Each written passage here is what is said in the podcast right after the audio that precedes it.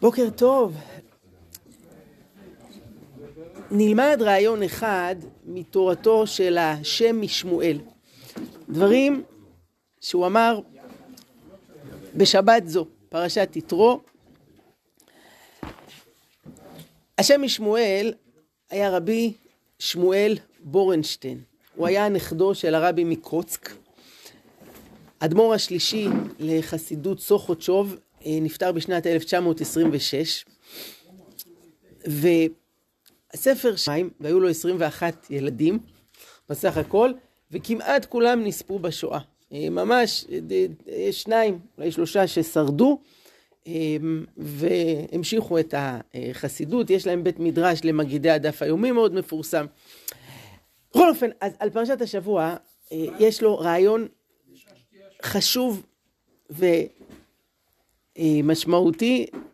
אה, על פסוק מקדים. התורה אומרת כך, בחודש השלישי, לצאת בני ישראל מארץ מצרים, ביום הזה באו מדבר סיני.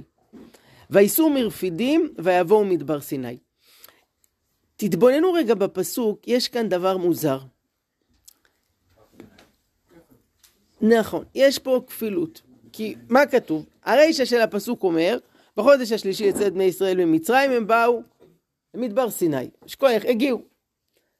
הסיפא של הפסוק אומר, וייסעו מרפידים ויבואו מדבר סיני. אבל כבר ברישא אמרנו שהם הגיעו למדבר סיני. אז למה אתה אומר את זה עוד פעם? השם ישמעאל אומר כך, יש להבין שהזכיר מעיקרא ביאתם למדבר סיני, ואחר כך חזר להזכיר הנסיעה מרפידים והביאה למדבר סיני.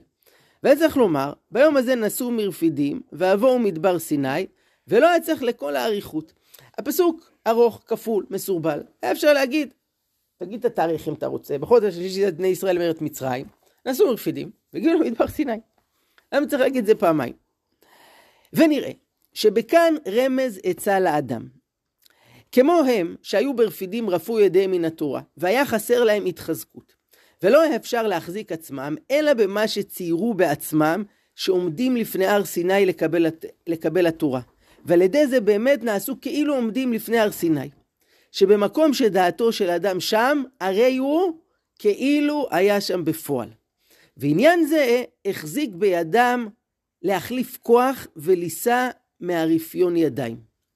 וכמו שאומר אדמו"ר, הרים, מי זה הרים? זה בעל חידושי הרים רבי יצחק מאיר מגור, על מאמר העולם, אז מן כניחתא ריבר רינטר, ואני אומר להיפוך, אז מן כניחתא רינדר מוזמנה ריבר. הבנתם? האמת שגם אני לא, אני לא דובר יידיש, בניתי על זה שמישהו פה יודע. מה? משהו? לא? טוב, בטח מישהו מהמאזינים שלנו שישמע את ההקלטה, ישלח לי מה הפירוש, אז אנחנו נשמח שדוברי היידיש יעזרו לנו. אבל מה הרעיון? היינו כנ"ל, שיצייר בנפשו מעלות גבוהות, בזה יחליף כוח כנ"ל. מה הוא אומר? יש רגעים בחיים שאדם שקוע באיזו התמודדות, הוא נמצא במשבר, הוא מרגיש חלש, חסר אונים, אין לו מוטיבציה, הוא לא יודע איך הוא יוצא מהסבך. מה יכול להרים אותו? מה יכול לתת לו עכשיו כוח לחזק אותו? התשובה היא, להרים את המבט אל העתיד. ולראות בדמיונו לא המצב עכשיו, כי המצב עכשיו בטטה, על הפנים, אלא מה יהיה עכשיו בעוד איקס זמן. כשאני כבר אהיה אחרי זה, כשאני אעבור את התקופה הזו. המבט הזה אל העתיד, המאיר, הנעים, הטוב, יכול לתת לאדם כוח גם בהווה, כשאתה יודע שכל הקושי והסבל עכשיו יוביל אותך לשם וזה מחכה לך. העתיד ממתין שאתה תבוא ותגיע אליו. בני ישראל ברפידים. רפידים, אומרים חז"ל שרפו ידיהם מהמצוות, ואז גם עמלק תוקף אותם. חולשה רוחנית, מתקפה פיזית, המצב לא טוב. מה עושים בני ישראל? חושבים על מעמד הר סיני, על מתן תורה. בעצם, איך הוא עונה על השאלה של ההתחלה? הוא אומר שהרישא והסיפא של הפסוק זה לא אותו דבר. הסיפא זה התיאור הפיזי של מה שהם עשו. הרישא זה מה שהיה להם בראש לפני כן. כלומר, עוד כשהם היו ברפידים, מה הם ראו לנגד עיניהם? איך אנחנו באים למדבר סיני, איך אנחנו מגיעים אל אה, הר סיני ושם מקבלים את התורה, זה עזר להם שגם בפועל הם הצליחו לעשות את זה ולצאת ברפידים ולהגיע למדבר סיני. הוא ממשיך ואומר, בזה יש לפרש מצוות זכור בשבת, שזה אה, פרשת השבוע. זכור את יום השבת לקדשו בעשרת הדיברות. שפרש הרמב"ן בשם המכילתא לזכור בכל יום מששת ימי בראשית את יום השבת. לומר היום יום אחד. והיינו משום דבששת ימי המעשה שאדם טרוד בענייני מלאכות ואבלי עולם הזה, יצייר בנפשו כאילו עומד ביום השבת. שכל איש ישראלי יש לו עלייה בצד מה. ואפילו עם הארץ אימת שבת עליו. וזה יחזיק בידו להחליף כוח בששת ימי המעשה. וזה זכור שהוא לשון הווה. וכן שמור שהוא נע מלשון הווה. יש לפרש כעניין הזה, שיזכור וישמור עצמו בששת ימי המעשה, לבל יתלכלך בגשמיות ביותר. כי איך יישא פני שבת? ואולי נע מזכירת מעמד הר סיני ומטעם זה. בואו נסביר. מצווה זכור את יום השבת הקדשו, מתי מקיימים אותה? אז מקיימים אותה גם בשבת, כשאנחנו עושים קידוש, מקיימים בזה את מצוות זכור את יום השבת לקדשו. אבל לא רק, אומר הרמב"ן, את מצוות זכור את יום השבת לקדשו מקיימים כל השבוע. זה מתבטא אפילו בשמות ימי השבוע. אם באנגלית כל יום יש לו איזה שם בפני עצמו שלא אה, קשור לאיזה ספירה או משהו, Sunday, Monday, Tuesday, Wednesday. בעברית אנחנו אומרים ראשון, שני, שלישי, שכל זה ספירה, ואנחנו מדגישים יום ראשון בשבת, שני בשבת, שלישי בשבת, הכל מוביל אותנו לשם. ומסביר השם משמואל למה? כי במשך השבוע הבן אדם עסוק בענייני העולם הזה, יש לו עבודה, יש אה, קניות, יש פקקים, יש אה, הרבה דברים שמטרידים ומסיחים את הדעת. מה יכול לעזור לאדם? לדמיין את עצמו בשבת. אה, קרה לכם שקמתם בבוקר ואמרתם, וואי, הלוואי שהשבת היום. מה? לי זה קורה רוב הימים. הלוואי שהשבת היום. עכשיו, זה לא רק אה, הלוואי, אלא לדמיין את עצמי בשבת, כי בשבת יהודי נמצא במדרגה אחרת, ברמה אחרת. אתם יודעים שהלכה ב... בשבע אה, ברכות שעושים לזוג שהתחתן, שכדי שנברך, אז צריך כל יום פנים חדשות. זה אומר מישהו שלא ראינו עד עכשיו, ולכן כשחוגגים אה, במהלך השבוע שמסכן הזוג מתרוצץ בכל הארץ, שיעשו לו שבעי ברכות, אז מביאים איזה שכן שלא קשור ולא היה בחתונה, שזה יהיה כאילו פנים חדשות. אה, כמה זה באמת משמח שיש פה איזה שכן שלא ראינו וגם לא נראה אותו יותר, צריך עיון. אבל ההלכה אומרת שבשבת אין צורך בפנים חדשות. למה? אז אפשר להגיד שהשבת עצמה זה, שבת המלכה היא הפנים החדשות, ויש מי שאומר שבשבת עצמה לכל האנשים הישנים יש פנים חדשות. וזה מה שכתוב, פני שבת נקבלה. אנחנו מקבלים פנים של שבת. אה, לא על כולם רואים את זה, אבל יצא לי פה ושם להכיר אנשים בחיי. היית רואה אותו בשבת, הבן אדם היה נראה אחרת. האור שזורח מהפנים, שמעתי אפילו מספרים על מישהו שבשבת היה יותר גבוה. משהו בהערה הזו שמרים אותך למקום, אה, למקום אחר. ומה שהוא אומר שגם ביום חול, כשבן אדם בתוך העשייה ובתוך העניינים של העולם הזה, לחשוב על השבת. להניח את המחשבה שלי שמה, הוא גם נותן פה דוגמה אה, מזה שאפילו עם הארץ אימת שבת עליו. זה ציטוט מהמשנה במסכת דמאי. דמאי זה פירות שאנחנו לא יודעים אם הם מאוסרים או לא, כי עמי הארץ לא תמיד היו מעשרים, ואז היה צריך מספק להפריש. עכשיו נגיד יש לך פה טעם הארץ, שהוא הביא את הפירות, אתה שואל אותו, תגיד זה מאוסר? הוא יגיד, בטח, בטח מאוסר, אבל אתה לא יכול לסמוך עליו, זה הבעיה. אבל אם אתה שואל אותו בשבת, והוא אומר לך זה מאוסר, אתה יכול לסמוך עליו. למה? אז אומרים חז"ל, כי אימת שבת עליו. בשבת הוא לא משקר. כן, לשקר בשבת? מה, וביום חול מותר לשקר? אבל ביום חול הוא משקר. הוא מחפף, מד... בשבת הוא יגיד את האמת. אפילו עם הארץ, בשבת, אומר חס וחלילה, לשקר נמצא במקום יותר גבוה. ולכן, זכור את יום השבת כל הזמן, לזכור, גם כשבן אדם הוא לא שמה, שיזכור. הדבר הזה ירים אותו. תראו, הרעיון הזה של השם משמואל, זה, זה יסוד שרואים אותו חוזר בהרבה וריאציות. אה, דוגמה אחת, למשל, בליל הסדר הראשון בהיסטוריה. אתם יודעים מתי הוא היה? מתי לך הפעם הראשונה עם ישראל חוגג ליל הסדר? מה? ליל הסדר הראשון, מה זאת אומרת, זה... לא, אבל תקשיבו, אנחנו קראנו את זה לפני אה, שבועיים בתורה, אה, בליל אה, ט"ו בניסן, הם ישבו שם במצרים, עשו קורבן פסח, שמו דם על המשקוף, יאכלו... זה מאוד מוזר לחגוג אז ליל הסדר. הרי עדיין לא יצאנו ממצרים. מילא תגיד, אחרי שיצאנו, אנחנו בני חורין, בוא, עכשיו נעשה ליל הסדר. בלילה שלפני לחגוג, זה כמו אה, בערב המשחק הגורלי בגמר, אז כבר הקבוצה חוגגת את הניצחון. אבל אה, המשחק מחר, עוד לא ניצחתם, עוד לא יצאתם, סבלנות. אז אתה יכול להגיד, כי אנחנו יודעים מה יקרה בסוף, אבל עדיין, החגיגה זה כשמשהו קרה. מה? כן, אז כל זה מוביל לאותו עיקרון שאמר השם משמואל. הם היו אז עדיין במצרים, אה, עדיין תחת רשות פרעה, אבל מה שנתבקש מהם זה, אתם רוצים להיות בני, בני חורין? דמיינו את עצמכם בני חורין. שבו עכשיו בליל הסדר, שתו ארבע כוסות, תרגישו שאתם בני מלכים, זה גם יהפוך למציאות בסופו של דבר. אל תחכו שאחרי שאנחנו נצא ונהיה בני חורין, עכשיו, לפני כן, תעשו את החגיגה של הדבר הזה.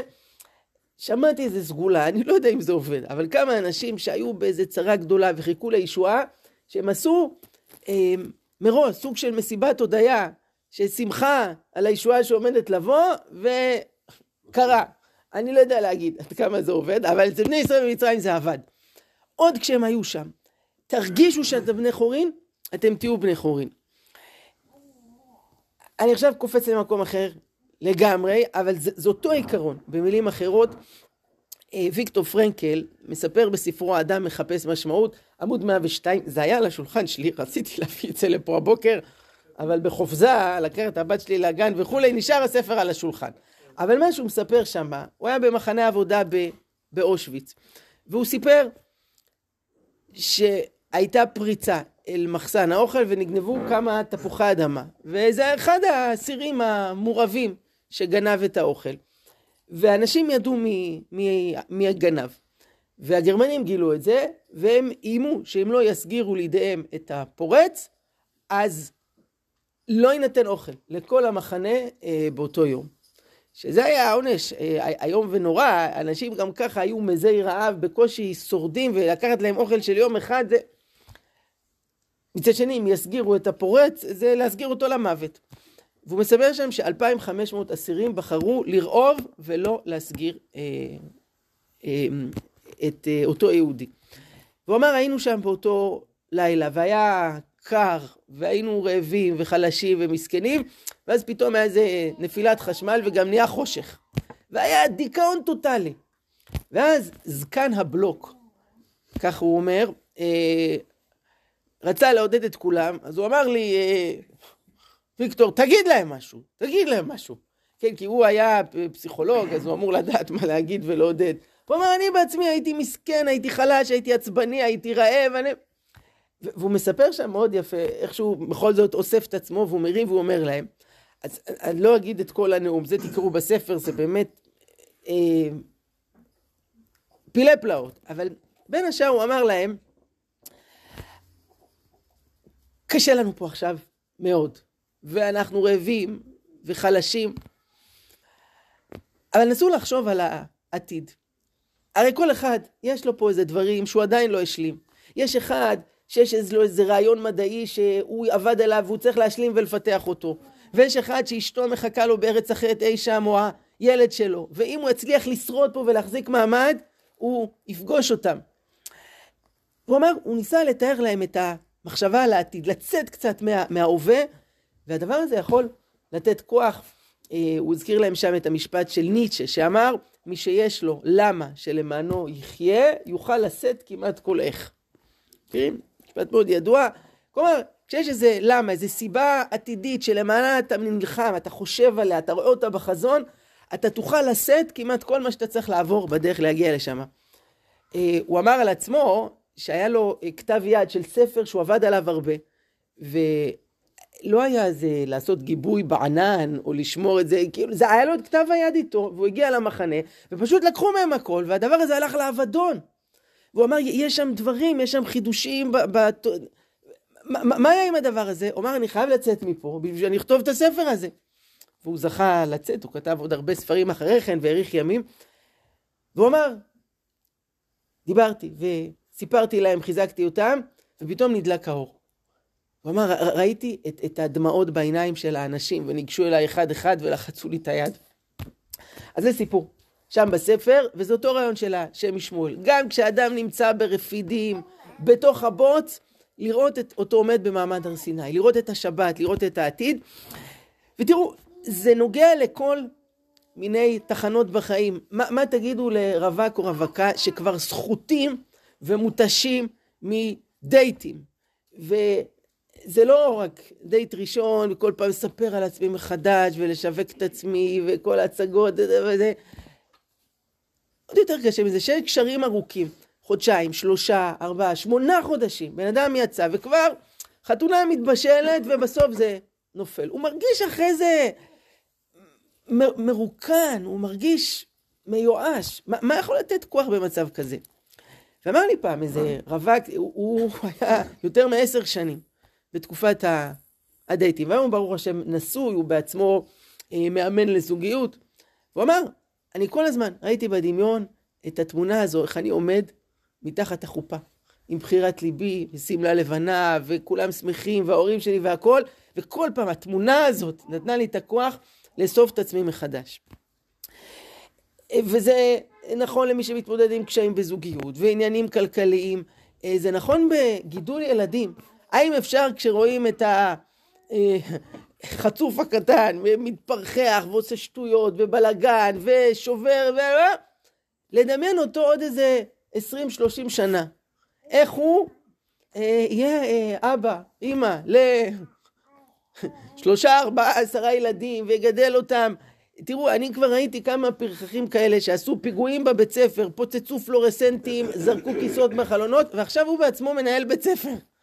מי היה מאמין? מי היה מאמין? וזאת עם כל השטויות, ועכשיו אימא לעשרה ילדים, ויועצת, רופאה.